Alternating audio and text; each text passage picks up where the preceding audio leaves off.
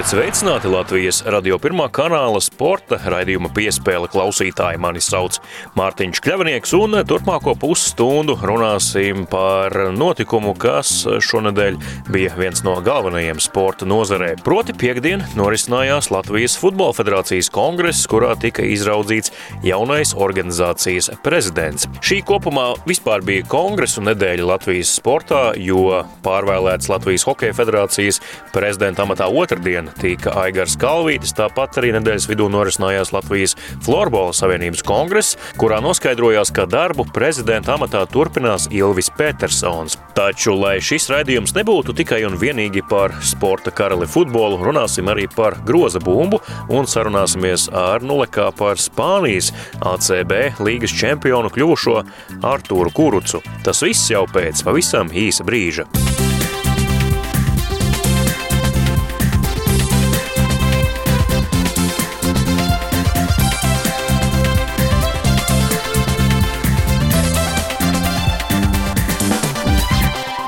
Jūs klausāties Latvijas radio pirmā kanāla sporta raidījumu piespēle studijā Mārtiņš Kļavinieks un ķeramies klāt iepriekš pieteiktajiem tematiem un sāksim ar Latvijas Futbola federācijas kongresu, kas notika tieši pirms divām dienām. Šis priekšvēlēšanu laiks futbola vidē bija relatīvi kluss, jo ne Vadims Ļašenko, ne arī iekšlietu ministrs Sandis Ģirģens no KPVLV asās priekšvēlēšanu diskusijās neiesaistījās.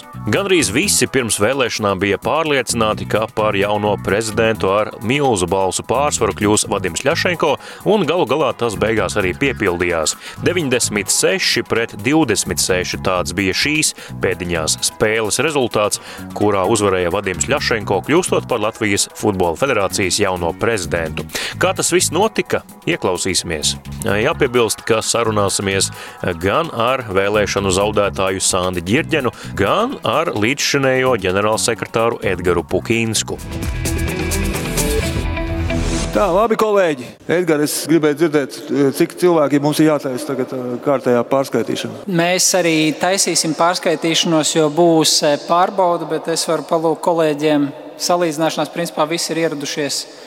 Un Man raksta, ka mēs taisīsim pārskaitīšanos jebkurā gadījumā. Jā, kā... labi. Tad es ar jūsu atļauju atsākšu kongresa darbību pēc pārtraukuma, kurš gan nedaudz ievilkās. Mums ir palikušies trīs darba kārtības jautājumi. Paši interesantākie, laikam, prezidenta, viceprezidenta un valdes locekļu vēlēšanas. Tas ir nākamais mūsu darba kārtības jautājums. Pārējām pie kandidātu uzrunām. Un es lūgtu, kā pirmo izteikt savu uzrunu Sandi Girģeni, lūdzu, prezidenta kandidātu. Kas ir Latvijas futbols? Kādu futbolu mēs spēlējam un kāds ir mūsu futbola koncepts. Atbildes vai nu nebija, vai nu viņas bija vispārīgas, vai nu viņas bija dažādas. Tā tad lūdzu. Jūsu jautājums. Dmitrijs Zabarovskis no FK Nikara.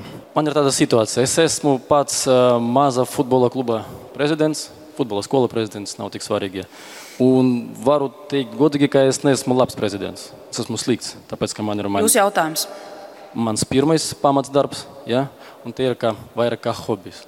Un man ir ļoti svarīgi saprast, mums būs Girgensons kā profesionāls, vai mums būs Girgensons kā futbols, tā ir kā hobija, bez algas hobija. Nu, lūk, un tad ir šīs svarīgais mirklis. Sāksim ar prezidenta vēlēšanām. Divi, tātad ir divi kandidāti, Sānis Dirģents un Vadims Lešenko. Vēlēšanas notiek vienā balsojumā, un uh, jūs varat balsot tikai par vienu kandidātu. Tātad, ja jūs atbalstat Sandi Girģeņu, lūdzu, spiediet pogu viens. Ja jūs atbalstat Vadimu Lašenko, spiediet pogu divi. Jums ir viena minūte laika, lai izdarītu izvēli. Tātad jūs varat izdarīt tikai uh, izvēli par vienu no šiem uh, kandidātiem. Sākam balsošanu. Un balsojums beidzās. Mēs varam redzēt rezultātus. Uzkārās. Uzkārās.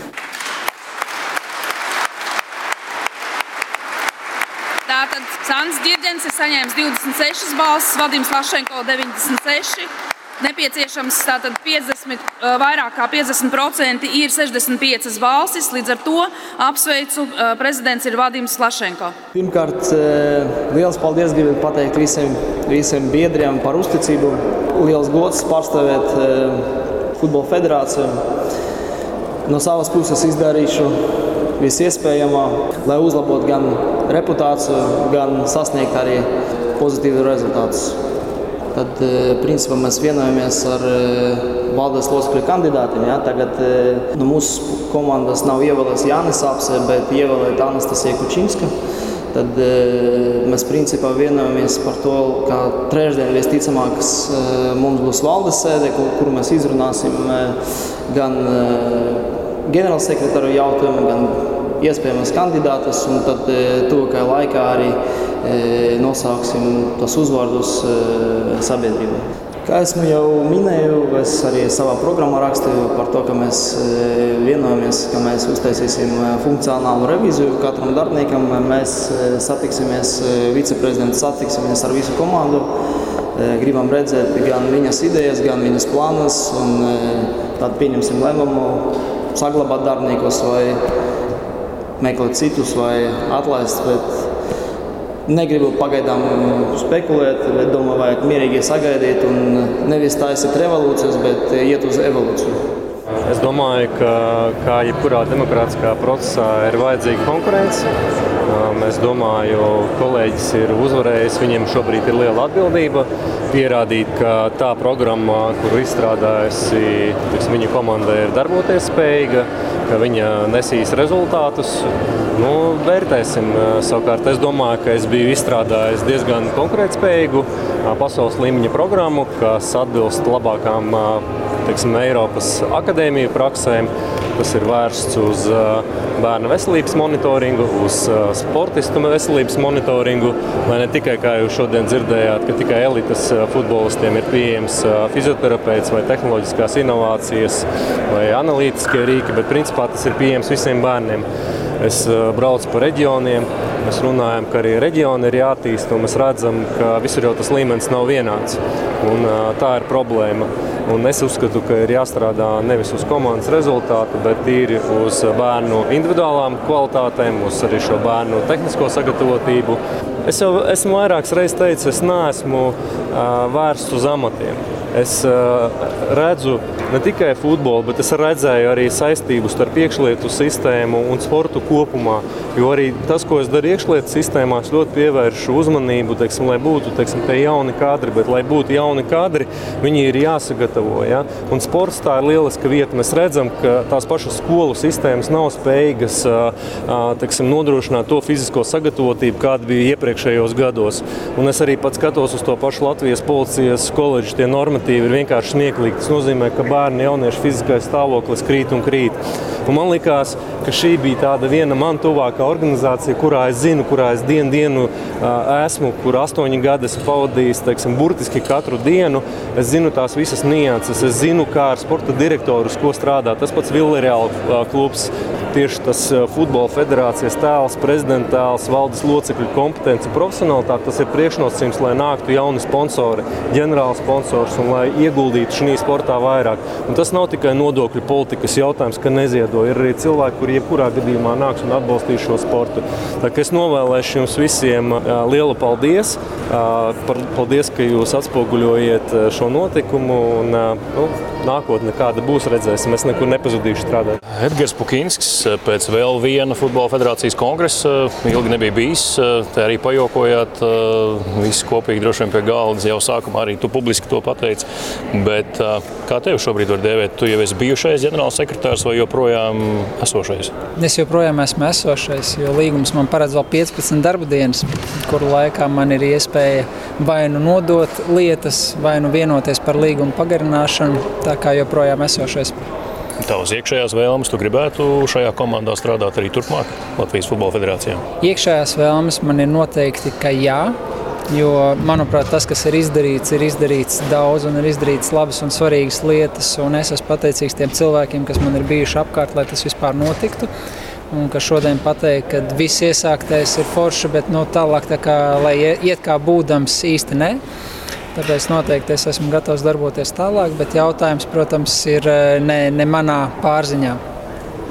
Pat zinot to, ka ģenerālsekretāra funkcija nu, vai nozīme mazināsies, tagad arī tu vienalga būtu gatavs. To, pat zinot arī to, jo iekšēji droši vien kolektīvā es par to esmu daudz vairāk runājis nekā es esmu publiski runājis. tituls nav būtiskākais. Man būtiskākais un līderības var iegūt arī caur to, ko es vienkārši daru. Un tas, ko es daru, man šķiet, ka man padodas un man patīk. Tāpēc arī es esmu gatavs turpināt, nestoties uz to, ka man nebūs vara, nebūs vairs tā status, kāds varbūt ir bijis līdz šim, bet tas noteikti nav primārais zūd viennozīmīgi tāda juridiskā ietekme un kaut kādas lēmumus vienkārši pieņemt vienpersoniski, jā, bet eh, nezūd loma un nezūd būtība. Jo viennozīmīgi tāpat ģenerālsekretārs būs atbildīgs par organizācijas vadību, kā tas būs juridiski sakārtots, kāds būs pilnvaru apjoms, ko tur nosacīt ģenerālsekretārs var parakstīt, ko nē. Tas ir no, nosacīt cits jautājums vai tehnisks jautājums, bet viennozīmīgi tā atbildība un tā būtība jau nepazūd. Jo, pieņemsim, UEFA, FIFA līmenī ģenerālsekretārs ir ģenerālsekretārs mūsu likuma izpratnē, ja tu neesi reģistrēts, tev ir cits status, ja es reģistrēts, ir cits, bet tas nemaina to būtību un garu pašam amatam. Jaunais prezidents ir izteicies tā relatīvi neviennozīmīgi par eh, sporta direktoru iecelšanu no tā īsti pirms vēlēšanām. Eh, vai tas nav bijis nu, mazliet teiksim, riskants gājiens no vēl iepriekšējās vadības? Es to tā neuztveru, jo viena lieta, kas arī man tāds iekšējais princips ir, ka es vados pēc savas pārliecības, tas ir viens. Un otrs, ka es necenšos ņemt vērā divas lietas. Tas ir politisko ažiotāžu un to, kas notiek publiskajā telpā. Jo es negribu, lai manus lēmumus ietekmē emocijas vai citu viedoklis, bet es gribu, lai manus lēmumus ietekmē argumenti, fakti teiksim, Jurijs Andrejevs nav tā, ka viņš uzrādījās trīs dienas pirms, un trīs dienas pirms mēs apstiprinājām. Par viņu mēs zinājām, mēs bijām valdē runājuši, valde bija pilnvarojusi jau mēnešus vairākus atpakaļ. Pagāja krīze, mēs pienācām līdz dienai, kad mēs sēžamies un vienojamies un parakstījām līgumu. Tas, ka tas sakrīt ar visu kaut ko, kas notiek politiskajā vidē, to tā var pagriezt, bet priekš manis tas nav noteicošais un noteikti ne tāpēc, ka kāds no kandidātiem nosauks citu uzvārdu, es par spīti kaut ko darīšu. Es daru ar pārliecību, ka tas ir labs lēmums un tas nesīs tos rezultātus, par kuriem mēs valdē esam runājuši un uz kuriem mēs ceram. Mainoties valdei un prezidentam, tas nenozīmē, ka samainās pilnīgi visi principi Latvijas futbolā. Un princips, ka ģenerālsekretārs joprojām ir atbildīgs par administratīvo šo aparātu, joprojām saglabāsies. Un kamēr tā ir mana atbildība, tas ir mans redzējums, un tas saskan ar tiem cilvēkiem, kur pieņem to lēmumu. Un spekulēt, ka varbūt varētu būt cits cilvēks un citi lēmumi, nu, priekš manis tā būtu spekulācija. Man ir pārliecība, ka tas bija pareizs lēmums, un es negribēju domāt par to, ka man ir jāpagaida, lai politiski būtu korekti. Jo es gribu dot arī ziņu saviem darbiniekiem, ka man nav būtiski, kas notiek politiski, lai viņi jūtās droši, ka ja tas ir darba jautājums un mēs esam vienojušies, ka mēs pie tā arī paliekam un mēs to ceļu ejam. Viss varēja pagaidīt, bet es neskatījos ar politisko prizmu. Man tas nebija noteicošais faktors vispār šajā ziņā. Ja valde izdomās pārkāpt statūtus un pateiks, ka tagad administratīvo aparātu kāds tas ir, noteiksim mēs, un viņi iejauksies šajos procesos, un to nedarīs ģenerālsekretārs. Vai otrs scenārijs, ja ģenerālsekretārs nebūs šeit, atnāks cits, un viņa skatījumā būs jābūt citam sporta direktoram. Nevar izmest ārā visu to, pie kā ir strādāts, un pateikt, ka tagad būs pilnīgi savādāk. Un, ja mēs paskatītos patiesībā abu kandidātu programmas un salīdzinātu ar to, kas šobrīd tiek darīts, vārdos tiek teikts kaut kas cits, bet praksē sakrīt tie virzieni, par to, ko tiek runāts vienā, otrā, trešā programmā. Un neviens man šodien nepateiks, ka vienā vai otrā gadījumā programma ir tāda, ka Jurijs Andrejos to nespēs izdarīt, bet jebkurš cits kandidāts, kurš parādītos, to spēs izdarīt. Viens mats ir trausls, bet, ja sapīt bizē, tu viņu nekad nepārrausi. Ja? Un muskuļu šķiedra arī bija kvijums. Protams, vēlākais prieks, ka mēs palikām elitē. Cīnījāmies un labi nospēlējām, es domāju. Turpina skanēt Latvijas radio pirmā kanāla sporta raidījums piespēle studijā Mārtiņš Kļavinieks. Daugopilī jau vairākus gadus turpinās politiskais riņķa dancis, kad par mēru te kļūst Andrejs Elksniņš, te viņu nomaina Rihards Egims, savukārt pēc tam atkal notiek esošā mēra gāšana un krēslā atkal iesēžas Andrejs Elksniņš. Šis loks pavisam nesen tika pārauts, jo jūnija beigās par jauno mēru Daugopilī kļuva mūsu partijas pārstāvis Igors Prelatovs. Nulekā Latvijas futbola federācijas kongresā ievēlētajam valdes loceklim Naurim Mackevičam, kurš Daugopilī strādā par virslīgas futbola kluba ģenerāldirektoru, vaicāju, kāda ir situācija Latvijas otrajā lielākajā pilsētā Te jau Rīgā daudzi jokoja, ka tagad ir uh, atkal Riharda Egima kārta. Ja viņi tur tā rotē mēra krēslā, bet redz, ka tomēr lokus ir pārrauts. Uh, ar jauno mēru esat runājuši par futbolu, tikušies vai, vai vismaz kaut kāds kontakts bijis? Nē, šobrīd vēl neesam runājuši. Pats viņš savulaik ir bijis pilsētas čempions uh, telpu futbolā. Protams, īpaši daudz viņš nespēlēja, bet nu, viņa komanda uzvarēja. Mm. Zinu to, ka viņam bija interese palīdzēt mums ar stadionu esplanādi beigt to rekonstrukciju, bet politiskā situācija Daugavpilī ir ļoti sarežģīta tiešām tur regulāri viss mainās. Man šobrīd līdz galam arī nav skaidrs, eh, kā tur strādās. Jo it kā ir izveidota koalīcija, bet eh, tiešām nezinu viņa prioritātes šobrīd. Tas, kā jūs šobrīd tieši ietekmē, nu, tas, ka ir liela neziņa, gan jau darbs nekādīgi neapstājas. Darbs noteikti neapstājas, jo mums principā katru gadu kāds mēģina likt sprunguļus riteņos un tā tālāk, un ko tik nav darījuši, bet mēs turpinām strādāt. Ir arī tāds teiciens, kas mūs nenogalina, tas padara mūs stiprākus. Un, principā, mēs pēc šīs devīzes arī strādājam pēdējos gadus.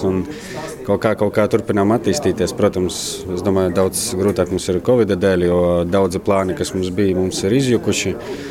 Bet nu, galvenais, principā, finansiālā situācija ir stabila. Atbalsts no pašvaldības puses arī ir gan jaunatnes futbolam, gan nu, profesionāliem. Ļoti maziņš, bet jaunatnes ir un principā, tas ir stūrakmens visam. Es vienā citā medijā dzirdēju vienu jūsu interviju par to, ka virslīgas klubā notiek treniņi, ka pat pašvaldības policija soda vienu cilvēku, kurš mežā individuāli trenējas. Tas bija vienīgais tāds incidents, vai jums tur vēl bija starpgadījumi? Principā mums neļāva nekur. Jā, pilsētā mēs tur uz mežiem jā, dažreiz braukājām, tur katrs individuāli bet nu, mums arī kopēji tāda nebija treniņa. Patiešām katrs strādā individuāli. Un, nu, spilgtākais individuālā darba piemērs bija Kirillis Iljins, viens no mūsu pamatsastāvā aizsargiem, kurš vienkārši aizķērās aiz, aiz saknes un salauza savu kājas pirkstu. Bet, tā faktiski, jā, Daugopilī mums, cik mums sanāk, kādi divi bija atklātie laukumi, kuri puslīdz bija vaļā kur sākotnēji daudzi gan mūsu mazie staigāja, gan pieaugušie, bet pēc tam visu aizklipēja ciet. Policija 4-5 reizes dienā brauca gar tiem laukumiem un skatījās, un visu laiku kaimiņa sauca. Ja redzēja, ka kāds spēlē futbolu arī tad, kad jau atļāva, vienalga regulāri viņi gāja pārbaudīja. Varbūt nebija tik traki kā RFS, kur katru dienu prasīja profesionālos līgumus.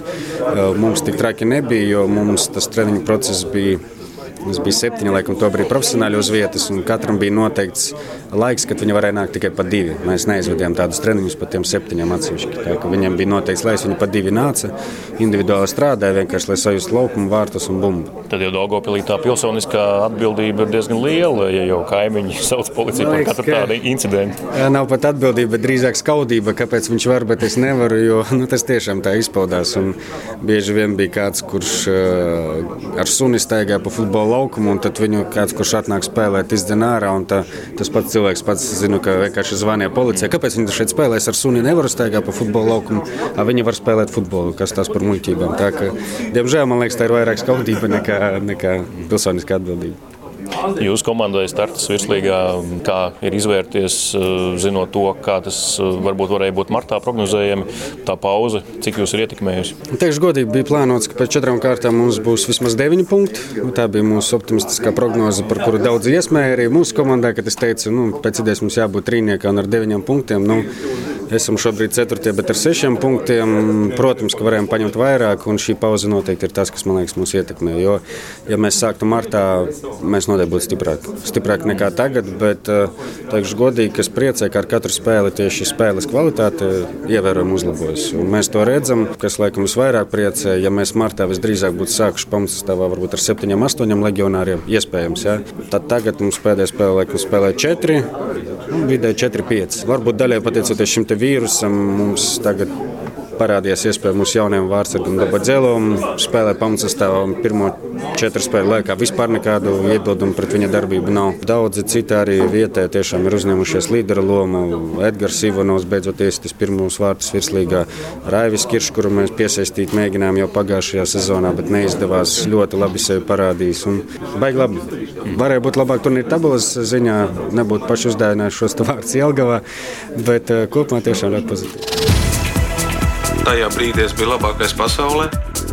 Visas pirmās vietas ir līdzvērtīgas zeltam. Spēlētājiem gadās slikts, labs spēles sērijas, bet ir jāceļās, jāmāk piecelties un parādīt savu sniegumu.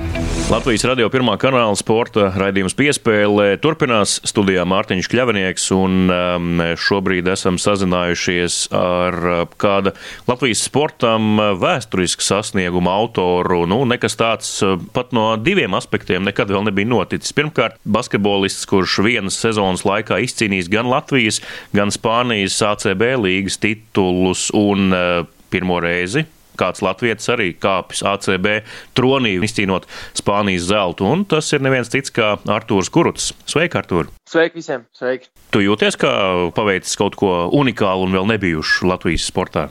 Ja godīgi, tad jā, pilnīgi noteikti. Uh, pat tā apzinoties to, ka varbūt uh, netiku pie tik daudz spēles laika, tāpat mm, esot kopā ar komandu, ejot cauri tam procesam, noteikti jūtos gandarīts, ļoti priecīgs par to, ko mēs paveicām.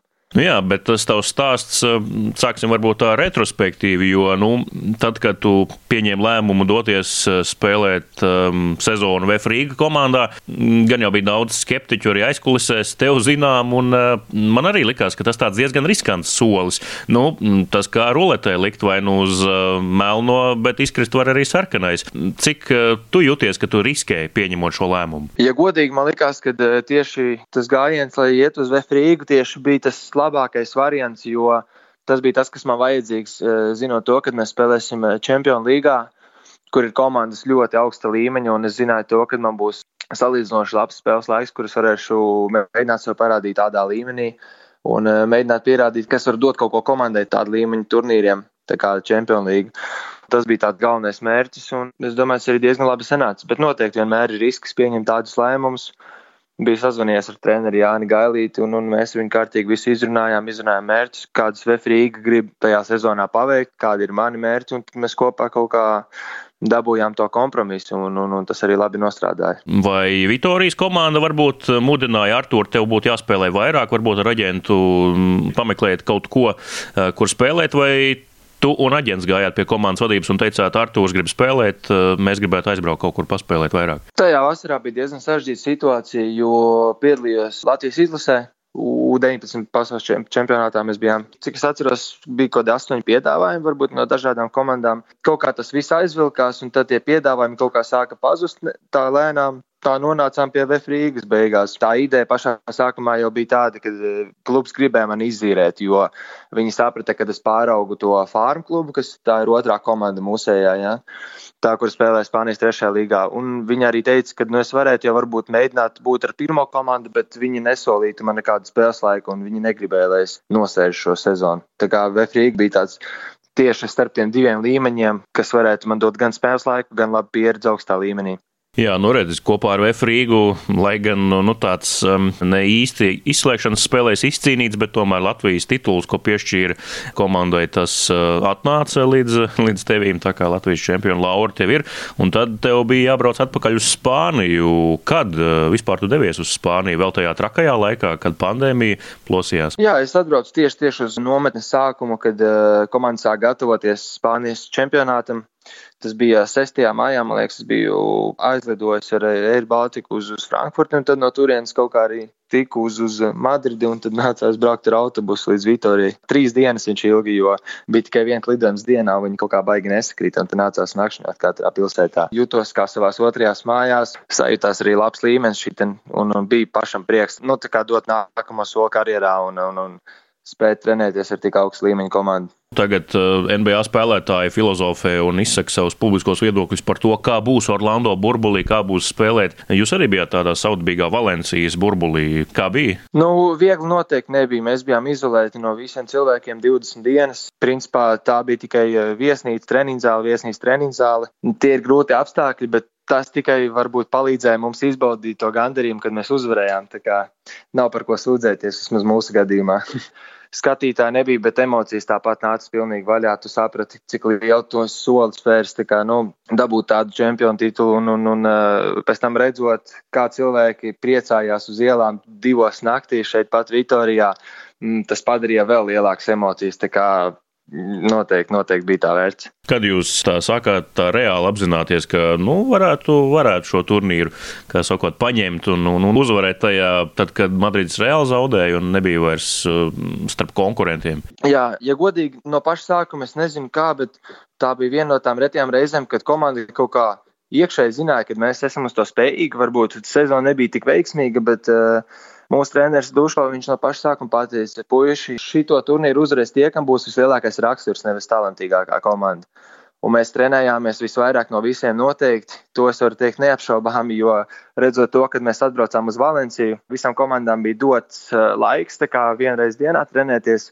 Bet Duško bija izprasījis vairākas dienas, kur mēs trenētos divreiz dienā. Un cik es zinu, neviena cita komanda to nebija veikusi. Un uh, spēlētāji arī reizēm bija bijuši dusmīgi, jo nu kā nekā mēs senāk spēli, un tad starp spēlēm tu tikai vienu dienu atpūsties, un mēs varbūt pat divreiz dienā trenējāmies. Tā kā noteikti raksturu mēs parādījām tajā turnīrā ar treniņiem. Vispār šī situācija ir tāda, bija šī tā kā loterija. Nu, iedomājieties, kādai komandai var būt kaut kāds līderis izkritīs dēļ vīrusa, nu, un tad arī nav tas pats rezultāts beig beigās. Tā kā paldies Dievam, ka visas komandas gandrīz spēlē pilnu sastāvu. Tā kā nebūs tāda nojauta, ka šis varbūt čempionu tituls nav godīgi izcīnīts. Tā kā šādā ziņā mēs esam ļoti priecīgi, kad viss sanāca kā vajag. Es pirms aptuveni trijiem gadiem runāju ar hokeistu Mārtiņu Dzierkalu. Viņš tad arī sezonas laikā bija drusku uzspēlējis Amerikas Hokeja līgā, un beigās viņa komanda, kad viņš jau bija aizbraucis prom no tās komandas, ieguva Kaldera kausu, uzvarēja līgā. Un, uh, teorētiski arī viņa vārdam bija jābūt uz kausa, jo viņš tās dažas spēles sezonā bija nospēlējis. Nu, to arī vienu maču tu nospēlēji, čempionu titulu ieguvu, bet cik ļoti tu jūties tā pilnvērtīgi kā ACB čempions? Es noteikti pilnvērtīgi jūtos kā ACB čempions, neskatoties to, ka es atbraucu tikai sezonas beigām. Tā pati ideja, kad uh, mēs aizbraucām ar 16 spēlētājiem, kuriem ir profesionāli līgumi ar Baskonijas komandu. Es sākumā pat nebiju ierakstīts sastāvā, varbūt turnīra sākumā. Bet bijuši vēlāk, kad eh, dabūju savu spēles laiku un parādīju, ko esmu spējīgs. Treneris man uzticējās un ierakstīja man 12. sastāvā, lai es būtu kopā ar komandu. Ja nu kas, tad lai es spēlētu, nevis kāds cits. Tā kā šajā ziņā es noteikti esmu priecīgs ar darbu, ko esmu paveicis. Iet tam visam procesam cauri mēnesi, trenēties divas, trīs reizes dienā, nav baigi viegli. Tā kā noteikti jūtu, ka es kaut ko esmu arī atdevis šajā rezultātā. Treneris arī man to bija skaidri pateicis. Tā kā noteikti jūtos gandarīts, bet Es zinu, ka nākotnē, kad es būšu ar savām spēles minūtēm, kad es uzvarēšu vēl kaut kādu čempionātu, tad es jutīšos vēl labāk. Bet emocijas tāpat bija nereālas šoreiz. Vienā no video, kas bija publicēts, tu sacīji, ka tajā brīdī, kad uzņēma video, vēl nezināja, kā Vitorijā jūs sagaidīs. Nu, kā tad jūs sagaidījāt? Beig, beigās mēs atlidojām uz uh, lidostu. Mūs sagaidīja cilvēki ar, uh, ar karogiem, tiem, nezinu, tās dūmu granātas vai kā viņi saucās, tās, kuras tur ir. Un pašā centrā Vitorijā arī bija ļoti daudz cilvēku bet viņi beigās kā, tika aizdīti prom dēļ tās pandēmijas, un policija nu, neļāva cilvēkiem taisīt tādu grupu milzīgu. Mēs tikai redzējām bildes, kā tas viss izskatījās tajā brīdī, kad mēs uzvarējām to čempionu titulu. Arī bija paredzēta pēc divām dienām ceremonija, kad mēs izbrauktu cauri Virhen Blanka, tas ir centrs Vitorijā, Gastēs, jā, kad mēs arī izbraucam ar autobusu cauri uz jumta augšā un kā, nu, nosinam kopā ar pilsētu to trofeju. Bet uh, šoreiz dēļ arī dēļ pandēmijas tas arī izkrita, diemžēl. Bet tas ir viens no lielākajiem pasākumiem, kas parasti notiek pēc uzvaras. Artur, vai tu atceries aptuveni divus gadus senu vēsturi, kad mēs sēdējām ar tevi Oskaru Klebovicki un Gunāru Gailīti pie galda Meža parkā? Jūs uh, trenējāties, gatavojoties U18 uh, izlases čempionātam tepat Rīgā. Tad mēs drusku parunājām arī ar tevi par to, kāds bija drafts Rodionam, ko tu redzēji, esot tur uz vietas Amerikā. Atminies tādu sarunu? Jā, atceros, protams, atceros. Tad es tev novēlēju, lai eh, divi brāļi kuruci drīz vien tiktu draftēti, un tas būtu diezgan vēsturisks sasniegums. Jā. Tas jau varēja būt noticis, bet diemžēl nav vēl noticis. Jāgaida oktobris. Kas šobrīd notiek tavā galvā saistībā ar NBA draftu? Gaidīšanas režīms. Šobrīd ir diezgan viegli īstenībā. Es mēģinu maksimāli šo laiku izlietot pilnvērtīgi. Tā kā tagad atpūtīšos, varbūt kaut kādu vienu, divas nedēļas, un tad atpakaļ došos pie darba, jo drafts nekur nebūs pazudis. Viņš vienkārši būs pagarināts uz priekšu, uz citiem datumiem. Tā kā es mēģināšu sevi sagatavot uz to brīdi un neko vairāk. Personīgi atrādīšanās komanda lidošana uz Ameriku, tas ir plānā? Ir plānā lidošana uz Ameriku, uz uh, draft kombainu nometni apskatīs no fiziskās puses. Nu, tāds ir plāns pagaidām, protams, neko nevar zināt tā tālāk, bet, nu, kā nekā vajag atrādīties, protams, jāizbrauc, lai cilvēki man redz, nu, nu tā kā tūmā, kāds esmu, kas viņiem var, varbūt kādas lietas, kas viņiem patiktu vairāk, ko viņi nebūtu redzējuši spēles laikā. Tā kā tas būtu viens no tādiem, jā, tādām lietām, kas diezgan svarīgi arī šogad. Tāda lūk mūsu saruna ar Artūru Kurucu, Spānijas ACB līgas čempionu raidījumā piespēle Artūru. Tu joprojām esi Spānijā vai tomēr esi nonācis līdz arī dzimtenei? Nē, šobrīd esmu Spānijā un es domāju, uz vasaras eh, treniņiem tie arī palikšu, jo tie ir baigi labi apstākļi, tie ir blakus treneri, profesionāļi, kas tā kā pa manīm palīdzēs man šeit strādāt tagad. Liels paldies par sarunu. Ar to vēlreiz sveicam arī Latvijas radio vārdā ar vēsturisko panākumu. Pirmais ACB čempions no Latvijas un veiksmīgi un lai izdodas. Un gaidām, ka to par draftu gaidām. Liels paldies! Visi labi!